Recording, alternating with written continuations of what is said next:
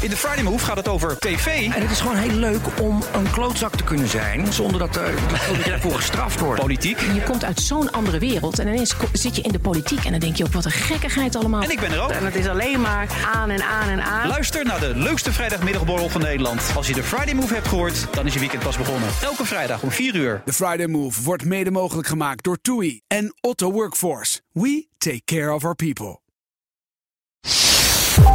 Het gaat zo traag. Daar zit niet een enthousiasme vanuit de politiek. Van jongens, wij steunen jullie en wij geven jullie geld. En zeg maar wat je nodig hebt, want we hebben jullie keihard nodig. Er zit geen enthousiasme in. Hallo, ik ben Kees Dorrestein. En ik ben Diederik Gommers. Ja, bekend IC-arts en OMT-lid. En in deze podcast beantwoordt hij jouw coronavragen. Stuur je vragen naar me op via WhatsApp 06 8370 9229, via de mail gommers.bnr.nl of via Instagram BNR Nieuwsradio. Dan leg ik ze aan hem voor. Vraag het. Gommers. Goed dat je er weer bij bent. Goed dat je misschien een vraag hebt ingestuurd. We hebben veel interessante vragen. Veel vragen natuurlijk over, nou ja, wat, wat zit er aan te komen? Misschien ook wat betreft maatregelen. En ja, hoe moeten we die IC-capaciteit nou echt structureel opschalen? Want er zijn weinig bedden. En ehm, moeten we geen serologische testen inzetten om antistoffen te bepalen. Eh, allereerst een vraag die komt heel vaak binnen voordat ik ga vragen hoe het met je is. Onder andere van Ben die zegt: Het OMT had geadviseerd om die herstelbewijzen een jaar lang geldig eh, te maken.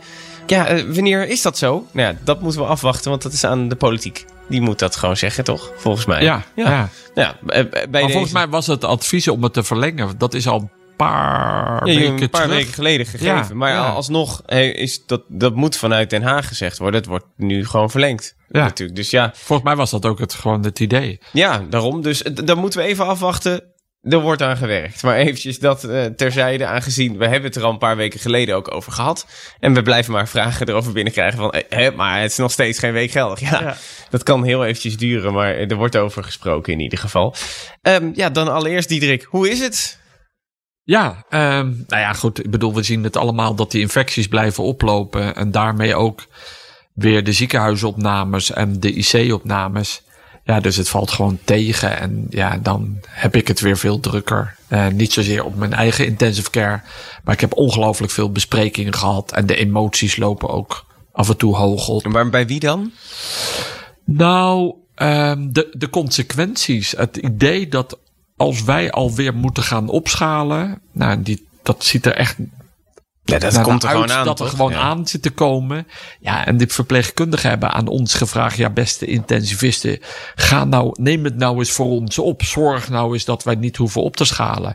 Ja, en dat botst. Dus wij zitten ontzettend in een spagaat. Ehm, en we willen zelf ook niet, hè, los van de verpleegkundigen. Maar de dokters die zijn ook gewoon klaar met COVID. Maar ja, iedereen is eigenlijk klaar met COVID. En terwijl dit het eigenlijk het staartje van de pandemie is. Hè. Ik bedoel, we zijn zo ver nu. Maar het is gewoon vreselijk eigenlijk dat we zo weinig capaciteit hebben door personeelstekort. Dat we eigenlijk geen, ja, heb ik al vaker gezegd, geen vet op de botten hebben. Hè. Dat je geen reservecapaciteit. Nee, je- want je hoort ook vaak dat, dat mensen die zeggen... Hè, maar eh, het zijn nu nog maar zo weinig Ja. IC-bedden. Waarom kunnen ze niet net zoals in vorige winter... zo stevig eh, opschalen en dan is Ja. het opgelost? Ja. Ja, er is veel personeel weggelopen. Dat hebben we al eens eerder besproken. Ja, ja, dus we hebben bedden, hè, want we hebben het altijd over bedden, maar alle bedden staan klaar. De monitoren, beademingsapparaten, maar we missen verpleegkundigen. En als je gaat opschalen, dan krijg je een andere situatie. Dan ga je eerst je gewone zorg in je ziekenhuis afschalen, operaties ehm, stoppen, maar ook kliniekbedden sluiten omdat daar geen operatiepatiënt meer komt. En dat personeel wat dat normale werk doet, dat vraag je dan om naar de intensive care te komen, zodat we samen met de IC-verpleegkundigen de bedden die klaarstaan, om die dan ook te bemannen. En daardoor kun je functioneel meer bedden opengaan. Dus we draaien er nu gemiddeld Nederland 950.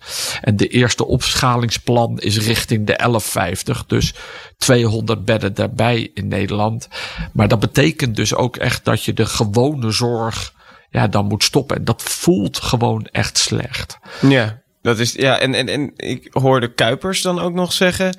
dat het ehm, mogelijk 4800 mensen kunnen zijn die eh, naar de IC nog komen. Nou ja, dat is de RIVM. Dus er is een pool van mensen die ziek kunnen worden. En daar hebben ze uitgerekend, afhankelijk van leeftijd, vaccinatie, natuurlijke immuniteit, dat er eigenlijk nog een groep is die deze winter kan komen van 4800 mensen naar de intensive care. Maar we hebben het nu pas over 200 van Ja. die 48. Maar die 48 is ook niet de verwachting dat die allemaal tegelijk komt. Want dat kan, kunnen we ook helemaal niet aan. Nee. Snap je? We hebben tot nu toe ruim 13.000 mensen in die drie golven gehad. En er is nog, nou ja, uitgerekend door de RIVM dat er nog 5000 mogelijk naar de intensive care kunnen komen. En dat we daar ons op moeten voorbereiden. Maar je hoopt dat ook de natuurlijke immuniteit, dat helpt natuurlijk ook mee. Dus je hoopt dat dat, dat, dat verspreid wordt en dat het minder wordt. Ja, precies. Want eh, het is ook niet exact duidelijk wie dan natuurlijke immuniteit hebben. Dus die ook niet naar de IC komen. En ehm, dan hoor je af en toe wat ziekenhuizen in Limburg zeggen... ja, er komen ook wel dubbel gevaccineerden. Die zijn gewoon de, de wat ouderen waarvan het vaccin gewoon minder is gaan werken. Zit dat dan ook nog in die groep Ja. naar verwachting? Nou ja, kijk. Het is ook belangrijk om, om, om houvast te hebben. Hè? Want ehm, tot nu toe werkt het vaccin heel goed tegen ziekenhuisopname en IC-opname.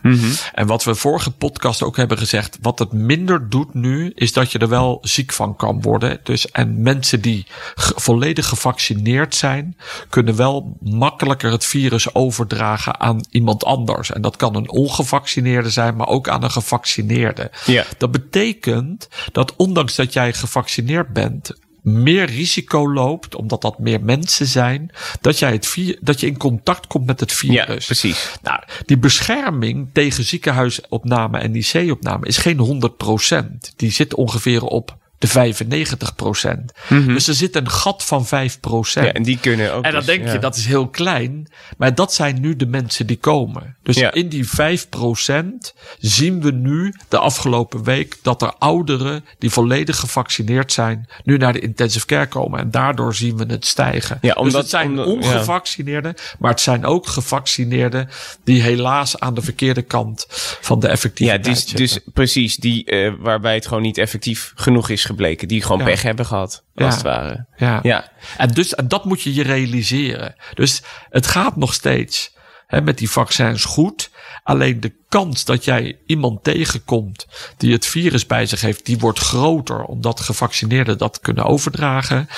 En dus betekent dat die basisregels, en dat moet je zelf beslissen, maar je, moet wel weer iets scherper in de wedstrijd zitten. Dus ja. nou ja, en dat kan je zelf doen. Oh, en trouwens, dit is een fantastisch eh, eh, moment. We hebben eigenlijk twee dingen eh, te vieren. Vraag het Gommers bestaat precies een jaar. Echt waar? Ja, de podcast. Ah nee. Ja, echt waar. Ja. Dit en, is- en, vandaag is ook mijn boek Nee, uitgekomen. precies, dat wilde ik ook zeggen. Maar dat heb ik nog Ja. niet gezien. Dus, eh, Heb je al maar dat kunnen we volgende week dan Heb je zien. je boek niet eens eh, gezien nog? Nee, nog niet. eh. Heeft de drukkerij niks opgestuurd? Ja, maar ja, ik moest vanochtend vroeg weg. Dus toen was het er nog niet. Oh, jeetje. Dus ja, misschien als ik vanavond thuis kom. en en wat, wat, wat staat er in het boek? Zelf, niet zelf geschreven, toch? Iemand anders Nee, heeft het nee. Het, het boek heet Intens, geschreven door Wilma de Rek. Een journaliste van de Volkskrant. Ehm, ja, en die heeft ja, op een ja, op een prettige manier beschreven wat we meegemaakt hebben in de COVID, anderhalf jaar. En, en mijn reacties erop, eigenlijk een beetje door mijn oogharen, wat ik heb meegemaakt. Door jouw Af- oogharen ook. Ja, ja. nee, maar dat, ik bedoel, en, en ook een stukje van mezelf. Dus ik vind het zelf ook best wel eng eigenlijk. Ja? Heb je hem al gelezen? Ja, ik heb natuurlijk de, de, de meegelezen, of zo, ja. meegedacht. maar ehm, ja, er staan ook gewoon heel veel dingen over mij. Over hoe ik denk, hoe ik ben opgevoed. ehm, hoe IC is. En Ja. Vind je het spannend? ja, ik vind het een beetje spannend. Het lijkt wel of ik een soort naaktfoto eh, openbaar maak. Echt waar? mezelf. Ja, het voelt, voelt heel onwennig. Dat is... Ik vind het een beetje eng. Ja? Ja. Dat is, je, ben- je- ben je niet te bang dat je te veel over jezelf Ja, dat, dat is natuurlijk altijd, want ik ben natuurlijk best open iemand. Dus dat zal ook wel weer gedoe gaan geven. Maar Oh. ik hoop van niet. Ik hoop echt, want ik wil niemand beledigen. Het is gewoon mijn beleving. En ik vond het belangrijk om nou ja, dat te delen. Om, en de mensen mogen ook commentaar. Wat heb ik verkeerd gedaan? Ik hoor het graag. Dus stuur alsjeblieft vragen op als je het boek gelezen hebt. Nou, hoe heb je dat nou kunnen doen? Ik had, als ik in jouw schoen had gestaan, dit of dat gedaan. Ja. Ik hoor altijd graag eh, suggesties hoe ik dingen anders kan doen. Ja, nu de, begin ik direct even met de vraag van Henk en Mark. En nog wat mensen die allemaal een beetje dezelfde strekking hebben. Die stoorden zich een beetje aan eh, jouw interview toen bij Op 1. eh, wat is het, eh, anderhalve week geleden. eh, waarin ze, ze zeiden, ja, nu gaf je echt wel een beetje de schuld aan de mensen die niet gevaccineerd zijn. Maar is het probleem gewoon niet zo dat de IC-capaciteit eigenlijk niet is opgeschaald. En dat die eigenlijk ook al laag was voor corona? Ja, nou kijk, het gaat niet over schuld geven. Hè? Ehm, ze hebben helemaal gelijk. Door tien jaar beleid eh, hadden we in januari 2020, voordat de COVID uitbrak, al minder IC-bedden open dan de jaren daarvoor. Want we hadden al uitstroom van personeel. Dat zag je op de intensive care, dat zag je ook op de gewone afdelingen. Er zijn ziekenhuizen bedden gesloten omdat we tekort hebben aan verpleegkundigen. We hadden ook problemen met OK's, omdat we te weinig OK-personeel hebben. Dus er is een ontzettende uitstroom. En wat je hoopt, is dat we dat kunnen, tij kunnen keren. Maar dat, dat, dat waren we eigenlijk al. Dat lukte ons al niet goed voor de COVID. Nou, door de COVID is het niet beter geworden. Helaas hebben we niet kunnen laten zien. Maar er zijn er ook geen middelen gekomen vanuit de politiek om dat te stimuleren. En we hebben vaak gesproken over salarisverhogingen of andere dingen. Het ging heel moeizaam. Ja, dat geld is en niet echt gekomen. Ja, er kwam dan, hè, we hebben een toelaar of gehad in eh 2020 en nu wordt er ook aangewerkt, maar het gaat zo traag. Daar zit niet een enthousiasme vanuit de politiek van jongens, wij steunen jullie en wij geven jullie geld en zeg maar wat je nodig hebt, want we hebben jullie keihard nodig. Er zit geen enthousiasme in. Ja, en we ja, en we krijgen een tijd daardoor niet gekeerd. En ik ben het met hun eens. Ja, we hebben het continu over vaccinaties en niet-vaccinaties. Maar ja, een ander heel groot probleem is eigenlijk gewoon... we hebben gewoon te weinig IC-bedden. En als het maar een beetje stijgt met die infecties... schieten we gelijk in de stress. Ja, Ja. dat is ook zo. En daarom wordt er gekeken naar die vaccinaties, omdat die in ieder geval de kans dat je naar de IC komt verkleint. Dat is ja, het. en dat is ook natuurlijk zo. En- Ook een beetje bedoel, een en- en noodmiddel bedoel, dan? Ja. Ik zei ook heel duidelijk in het op één programma. Wij als dokters maken nooit onderscheid. Ik maak geen onderscheid of iemand alcoholist is. Of of dat hij gevaccineerd is. Maar als je de toestroom en de ziekenhuisbelasting ergens iets aan wil doen. Dan kun je daaraan doen om te zorgen dat mensen die niet gevaccineerd zijn, dat ze nog, hè, of ze zich willen overwegen om zich toch te laten vaccineren. En dat is aan de politiek. En die kunnen allerlei andere mensen aanzetten. En zij moeten met die mensen het gesprek aangaan. Want het helpt ons dat er dan minder mensen naar de intensive care komen. Ja, want Hans, Adriaan, Barbara, die hadden allemaal eh, zo'n soortgelijke vraag van... hey, eh, je had toch ook al tijdens corona eh, kunnen opschalen? Nou, je zegt net, daar is vanuit de politiek wat minder gebleken. Wat heb je nou nodig om dit uiteindelijk, eh, dat ICR-personeel uit te breiden? Want je moet ze ook opleiden, dus dat duurt natuurlijk ook eh, eh, lang. Ja, maar kijk, alle ziekenhuizen doen heel veel moeite eh, om die opleidingsplaatsen. En dan zal altijd dat het toch weer niet helemaal goed gaat. Maar we hebben jonge mensen nodig die de opleiding willen doen. En voor de intensive care hebben we verpleegkundigen nodig die besluiten om eh, de IC-opleiding te gaan doen. Maar die moeten eerst al eerst algemeen verpleegkundige zijn. Nou, maar vooral is eigenlijk een toestroom van nieuwe mensen. Of dat je zegt de mensen die het vak verlaten hebben, hoe kunnen we die enthousiasmeren om terug te komen? Er zijn ook heel veel mensen iets anders gaan doen. Ja, zou het helpen om die weer terug te krijgen? En dan misschien door gewoon een beter salaris te geven. Ja, dat en, en, en dan roepen we altijd, hè, het gaat niet alleen om salaris, maar het helpt wel. Dus laten we eerst nou eens beginnen met salaris. En vooral de mensen die we nu nog hebben. Ik vind echt dat er meer salaris moet komen voor de verpleegkundigen. En, dan moet, en hoe moeizaam dat gaat met die CAO en dergelijke. Maar, dat, maar het gaat over veel geld. Ja, maar kies alsjeblieft. Als je nu, we, we zijn te traag. En nu zie je eigenlijk alleen maar dat die uitstroom toeneemt. Net een En- beetje dweilen met de kraan ja, open dan, absoluut. het, is echt, het is echt zonde, Ja. want het vak is zo mooi. Hè? Ik Ja. bedoel, voor iemand zorgen eh, is hartstikke mooi. En het gaat niet alleen over ver- eh, de verpleegkundigen in de ziekenhuizen. Hè? Ook in de VVT, eh, de thuiszorg, de huisartsen hebben het druk. En Het is, de zorg is groot. ehm, en we hebben veel mensen nodig. En alsjeblieft, laat blijken dat, dat het gewaardeerd wordt wat die mensen allemaal doen. Ja, Want eigenlijk is het nu, wat jou betreft, daar hadden ze eigenlijk wel wat meer mogen doen. En ook gewoon meer actie mogen ondernemen. Ook tijdens corona. Ja, bedoel, er is heel veel geld gegaan naar bedrijven, naar testen. Er is zoveel dat, hè, zoveel miljard dit. En dat mag. Ik bedoel, ik hoef de keuzes niet te maken. Maar ik vind de keuzes wat er naar de gezondheidszorg gaat, gaat zeer moeizaam. En of ik begrijp het niet goed. Want ik ben ook maar intensivist. Hè. Ik zit niet, ik ben geen bestuurder. Ik ga niet over het geld. Ehm Diederik Gommers bemoeit zich met veel dingen, maar hier mag hij zich niet mee bemoeien. Nee, gaat nee. Hij ook, want ik ga er niet over. Nee, dat klopt. Maar ik krijg ook wat. Ik krijg ook zorgpersoneel dat dan appt en zegt van. eh, sommigen zeggen al wat fijn dat hij in ieder geval zich nu aan het uitspreken is, want ik voel me wel gesteund. Eh, en sommigen zeggen ook, nou, van mij mag het eigenlijk nog wel wat meer, want ik Ja. moet best hard werken. Ja. En nu en eh, met minder collega's. Dus spreek je eens uit. Nou, bij, deze. Even kijken. Bas, die zegt dan... ehm, de cijfers laten zien dat vooralsnog het grootste deel van de coronapatiënten... die op de IC belandt, niet is gevaccineerd. Zijn dat mensen die ehm, niet gevaccineerd zijn... en nog geen infectie hebben doorgemaakt? Dus geen natuurlijke immuniteit hebben? Of zijn dat mensen die niet gevaccineerd zijn... maar wel een infectie hebben doorgemaakt... dus wel al een keer corona hebben gehad? Kan je daar iets over zeggen? Nou, kijk, wij weten nooit precies de achtergrond. Maar eigenlijk wat hij zegt is, als je natuurlijk gewoon een goede infectie hebt doorgemaakt, dan heb je gewoon natuurlijke antistoffen en dan ben je ook beschermd. Je hoeft niet gevaccineerd te zijn eigenlijk. Je kan natuurlijk ook gewoon natuurlijke afweer.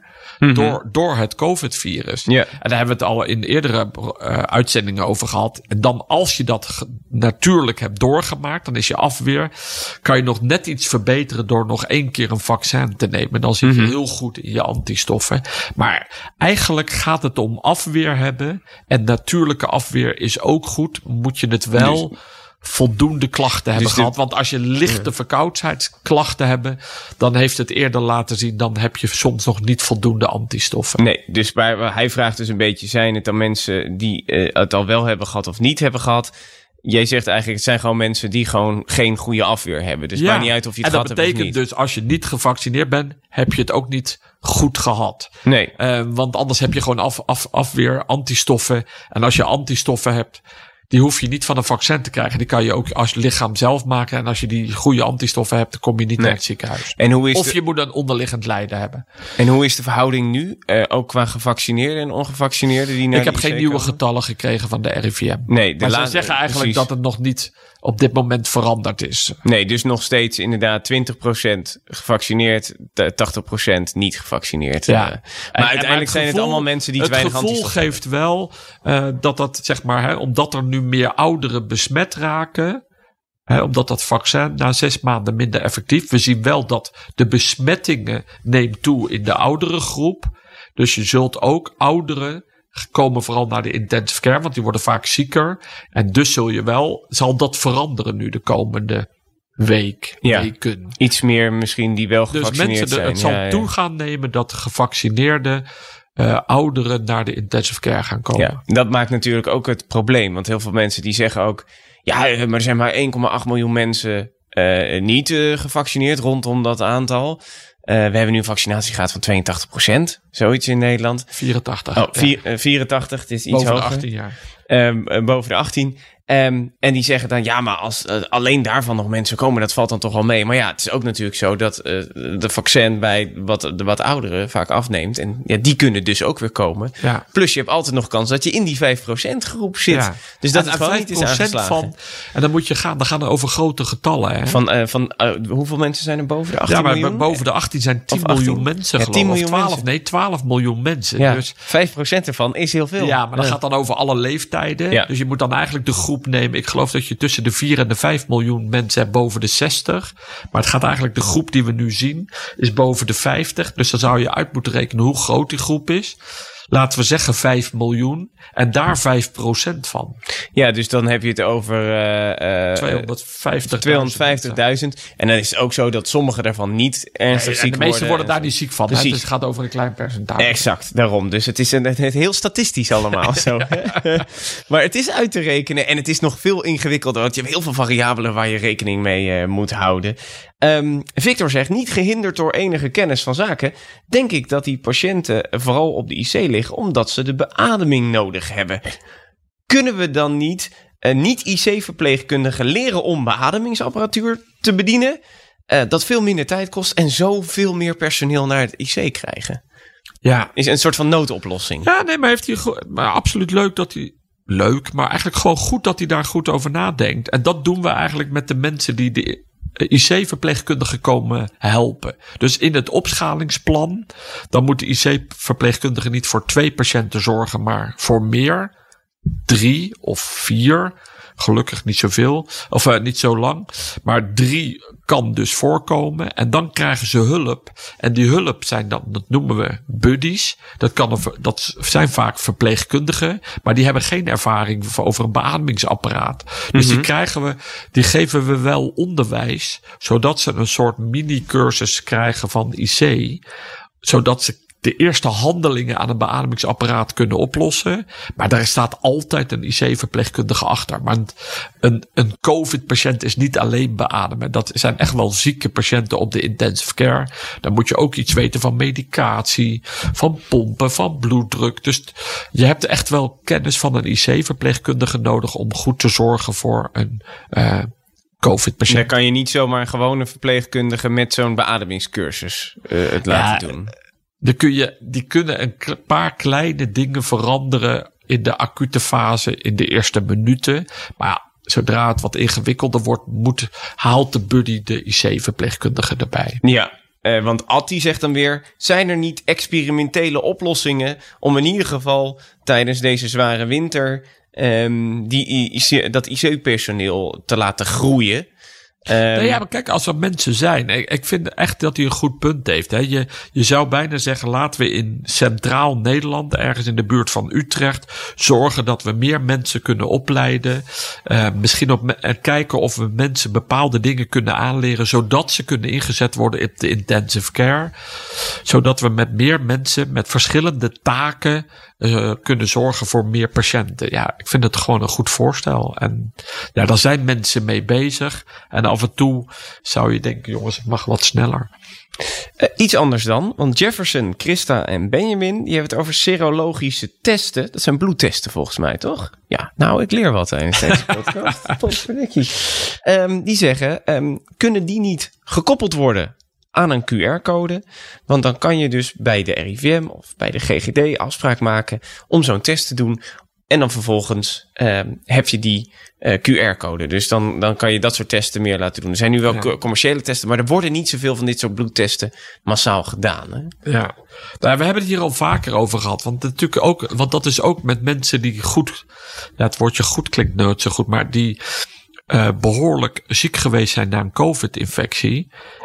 Nee, die hebben antistoffen. Ja, die hebben antistoffen. En waarom krijg je die dan geen QR-code? En dat lastige is dat je eigenlijk zou je graag willen dat je bij de GGD je hoeveelheid antistoffen kan laten bepalen. Ja. En dat je dan, als je voldoende hebt, dat je dan een QR-code ja, krijgt. Dus, en dus dan komen we weer over waar we het eerder over hebben gehad. We moeten weten hoeveel voldoende is. Ja, wat is voldoende? En dat is, speelt hier eigenlijk ook een rol. Dus we, we, we moeten meer onderzoek hebben. We moeten meer gegevens hebben. Wat dan het afkappunt is van die antistoffen. En, en wat het lastiger maakt is dat altijd heeft iedere test ook weer zijn eigen afkappunt. Dus je moet een merktest en een soorttest ook nog weer zo voldoende testen, zodat je weet dat het bij de ene test is het 64 en bij de andere test is het 78. Ja, dat het niet te willekeurig is. Nee, nee ja, maar dat je niet een algemene een lijn kunt trekken van als je antistoffen boven de 50 units per nou, milliliter bloed is. Of weet ik van welke eenheid je gebruikt. Ja, U, U, UG of zo toch? Ja, ik weet nou, niet maar, precies wat dat is. Ja, maar, maar, dan, maar dan snap je, je kunt geen algemeen afkappunt nemen voor alle testen. Want die testen zitten ook weer verschil. Nou, met andere woorden, er zit best wel veel wetenschap achter. En je moet daar dus on, goed onderzoek doen. Uh, dat doen ze nu om uiteindelijk straks zo'n nou om dat te kunnen introduceren en dat we dat ja, weet dat je gewoon je antistoffen kan laten bepalen. Winnie, die zegt dan, Winnie en Antonio hebben eigenlijk een beetje ehm, eenzelfde vraag van die boostervaccin. Zeker als je straks ook wat meer 50-plussers eh, naar de IC ziet krijgen. Of wat meer echt ouderen, misschien 70, 80ers, waar, de, eh, waar de, het aantal antistoffen afneemt vanwege het vaccin.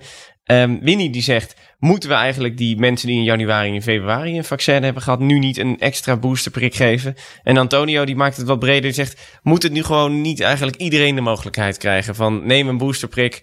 Want als je dat allemaal nog net op tijd voor de winter hebt gedaan, dan hou je, je misschien ook wel een wat grotere groep van de IC. Ja, nou ja, dat speelt heel de tijd. Hè? En dat is wat we graag willen weten. Die infecties die nu toenemen, die zien we ook gewoon dat dat infecties zijn bij mensen die volledig gevaccineerd zijn.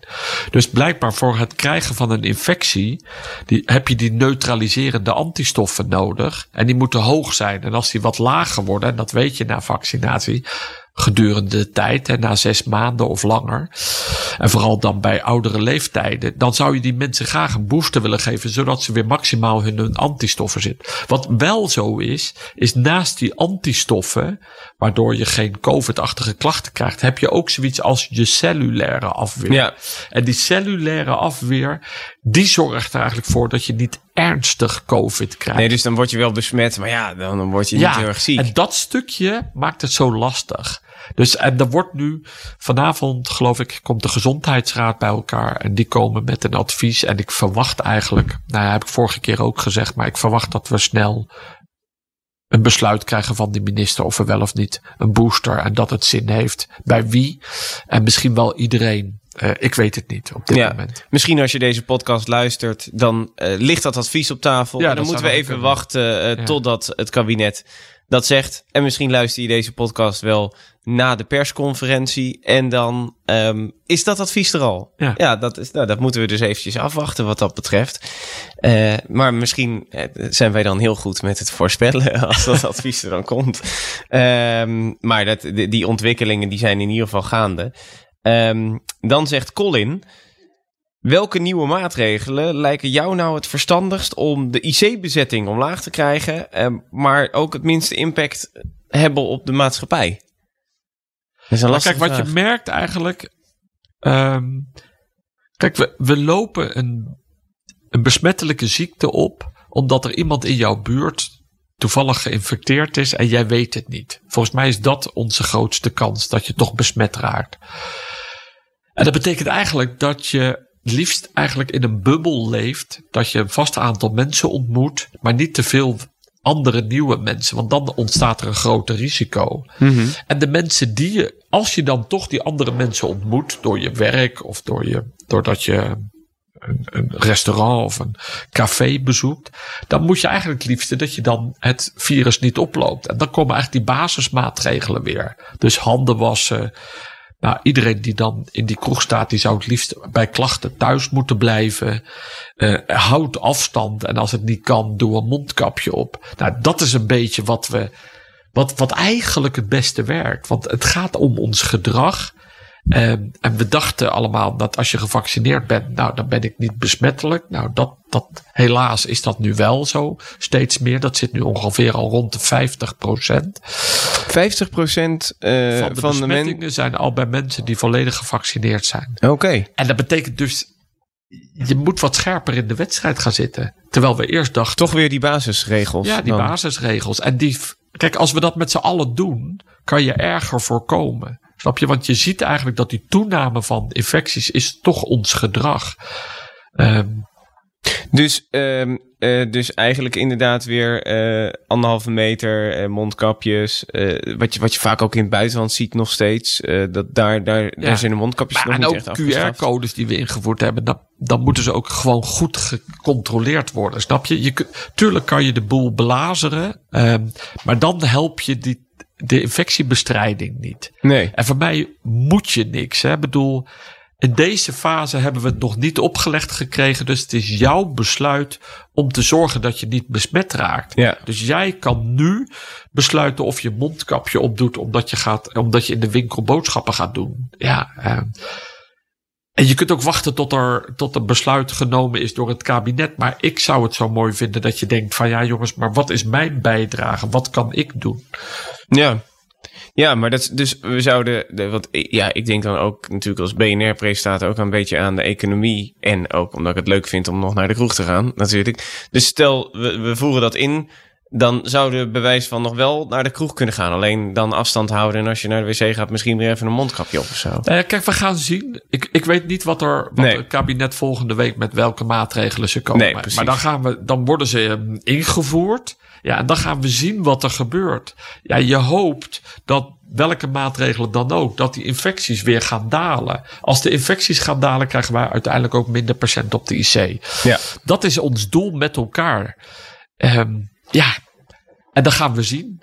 En alles wat je daarvoor doet al, voordat de maatregelen genomen zijn, elk gedragsverandering of elk voorkomen dat je, dat, dat je het virus overdraagt aan een ander of dat jij het oploopt, ja, dat helpt. Alle kleine beetjes helpen.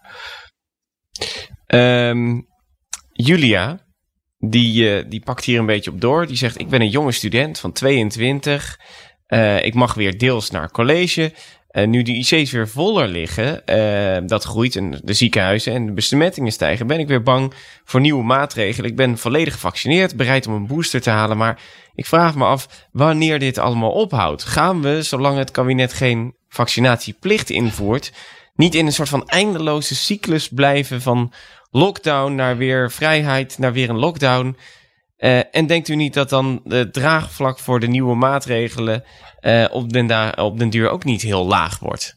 Dat is een beetje vanuit eigen. eh, nee, maar absoluut. Ik bedoel, ehm, ik, ik ben blij dat ik niet in de schoenen sta van Hugo de Jonge. hè. Ik bedoel, het afkondigen van nieuwe maatregelen geeft natuurlijk ongelooflijk veel gedoe. En het draagvlak, ja, dat is heel laag. Maar we zullen het toch met elkaar moeten doen. En wat er uiteindelijk gebeurt is. Eh, nou, daar hebben een hoog percentage mensen die zich gevaccineerd hebben. En andere mensen die zullen ook gewoon op natuurlijke weg afweer opbouwen. En uiteindelijk zit je dadelijk, maakt niet uit hoe, maar heb je een, een bevolking die eigenlijk gewoon antistoffen Ja, heeft. dus die krijgen het dan misschien wel elk jaar, maar dan word je er helemaal niet ziek van. Dus lopen de IC's niet vol. En zullen Ja, er en altijd wel een paar mensen naar ja, de IC en komen. uiteindelijk verdwijnt daarmee het virus. Want als iedereen zijn afweer heeft, dan of dan moet een, een kleine aanpassing, dus een nieuwe variant komen, Net als waarbij de antistoffen niet werkt. Ja. Maar ik verwacht dat als we deze winter doorkomen, dat we zoveel mensen hebben die dan ofwel gevaccineerd zijn, ofwel op natuurlijke manier antistoffen hebben. Ja, dan zit je in de buurt van, ja, wat zal het zijn? 99 procent? Ik weet het ook niet precies. Maar dan, ja, dan heeft het virus eigenlijk geen kans meer. En dan zul je het, nou ja, dan hopen we dat het verdwijnt. Ja, en de virologen zeggen, nou ga er nou maar vanuit dat het een griepachtige verkoudheidsvirus wordt, die iedere winter dan een Ja. klein beetje terugkomt. En Nou die ja. dus vooral de wat oudere groep eh, zal blijven treffen. En sommige mensen worden daar ziek van, moeten naar het ziekenhuis, net als bij de griep. Wat Ja. eigenlijk, en daarvoor wordt dan de griepprik gegeven aan risicopatiënten. Eh, en dan zou er misschien ook een coronaprik voor ook risicogroepen zijn. En we hadden het vorige week al over dat je zei... er moeten eigenlijk wel wat meer bedden bij structureel. Zodat we gewoon elke winter die grieppatiënten en die coronapatiënten... die naar de IC komen kunnen opvangen... zonder dat het echt een probleem wordt Ja. natuurlijk. Ja. Helemaal eens. Nee, daar, precies. Daar hebben we het al over gehad. Ik dacht, dat, dat, dan ben je dit aan het luisteren. En denk je misschien, hé, hey, maar hoe zit dat dan? Luister de vorige podcast. Mooi, krijgen er weer meer luisteraars bij. Ehm, ja, nog eigenlijk even een, ehm, een, een gekke. Maar ik dacht, die vind ik wel leuk om te stellen. Ariane die zegt, ik begreep dat er in Israël testen lopen met een oraal vaccin. Lijkt dit veelbelovend? En wanneer komen hier resultaten van? Of weten we daar wat meer van? Ik kon het niet zo goed vinden. Dus als hij eh, even opstuurt het berichtje wat, wat daar staat. Want we hebben wel al eerder gehad dat we een neusspray kregen. Ja, dus als je COVID-achtige klachten hebt, dat je dan een neusspray had. En dat deed je dan in je linkerneusgat en je rechterneusgat. En dat zou dan de virusvermenigvuldiging remmen. Of in ieder geval de adhesie remmen. Ja, dat was ook eigenlijk heel mooi. Want dan hoef je geen. Maar dan moet je iedere keer als je dan weer COVID-achtige klachten krijgt, dat je even met zo'n neusspray dat zou doen. Deze oraal heb ik nog niet gehoord. Maar er komen ook een medicijn uit Amerika aan. Ja, van dat is Merck, die hè, rep- is ja, dat? dat is Ja. Merck. Maar dat is een replicatieremmer. En, en misschien dat ze daarop de, Ja. doelt eh, dat dat oraal is. En die moet je nemen eh, binnen vijf dagen nadat je COVID-achtige klachten hebt. En die remt eigenlijk de vermenigvuldiging van het virus in je cellen. Ja, en dat is een heel andere manier om het virus te bestrijden. En dan word je duidelijk minder ziek. Ja, dat is een goed, dat is een goed alternatief. Dus er komen een aantal ja, mooie dingen aan. De coronapil is dat? Ja, zo wordt ja. die genoemd. Ja, en die wordt Ja. nu eh, volgens mij zowel door de EMA als door de FDA, de, de, Amerikaanse Amerikaanse. medicijnautoriteit, eh, wordt die nu beoordeeld om te kijken van is hij goed genoeg om hem aan mensen te geven. Ja, Ehm, tot slot ook nog een, ehm, ja, wel een gekke vraag, maar eh, wel leuk. Eh, want ik had hier nog nooit van gehoord, dus misschien jij wel. Ehm, Lars die zegt, ik hoorde gisteren van iemand, eh, had zelf nog nooit ook daarvan gehoord, dat long covid optreedt bij mensen die eerder in hun leven Pfizer hebben gehad. Is de kans groter dat je dat dan krijgt? Dit omdat ik dus zelf long covid heb en acht jaar geleden ook Pfizer heb gehad. Ja. Nou, goed dat hij dit stelt. Want dit, er zijn aanwijzingen. Er zijn nu artikelen in Amerika verschenen. Maar ik heb alleen nog maar het, de, het nieuwssite gelezen. Met al die opmerkingen van verschillende doktoren. Dat ze zeggen, kun je niet als je... Want Pfizer, dat blijft eigenlijk in je lichaam, hè, dat virus. Die Epstein-Barr virus, EBV.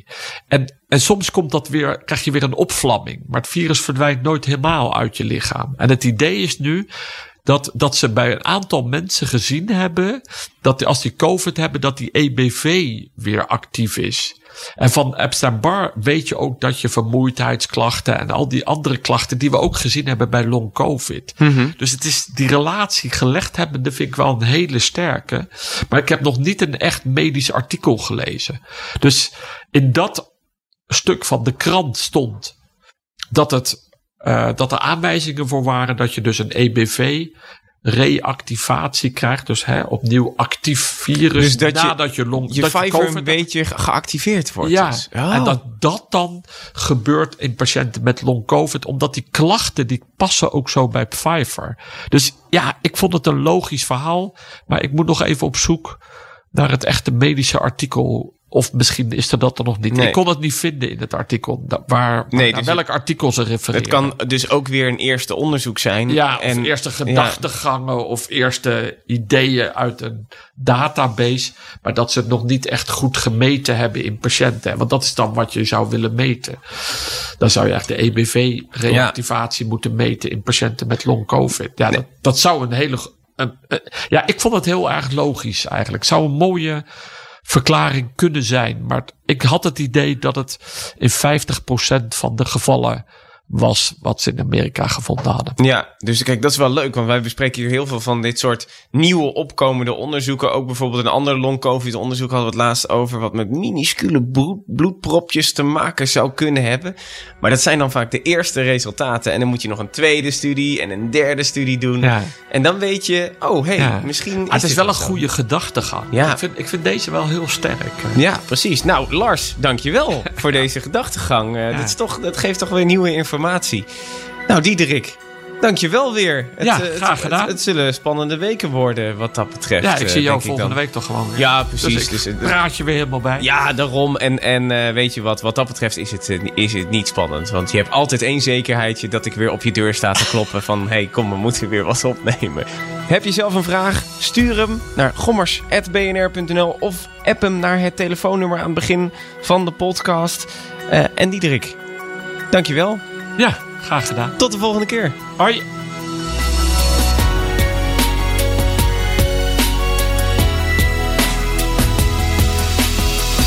Vraag het. Gommers. Gommers. Gommers. Geen enkele ondernemer wil zich laten tegenhouden door software.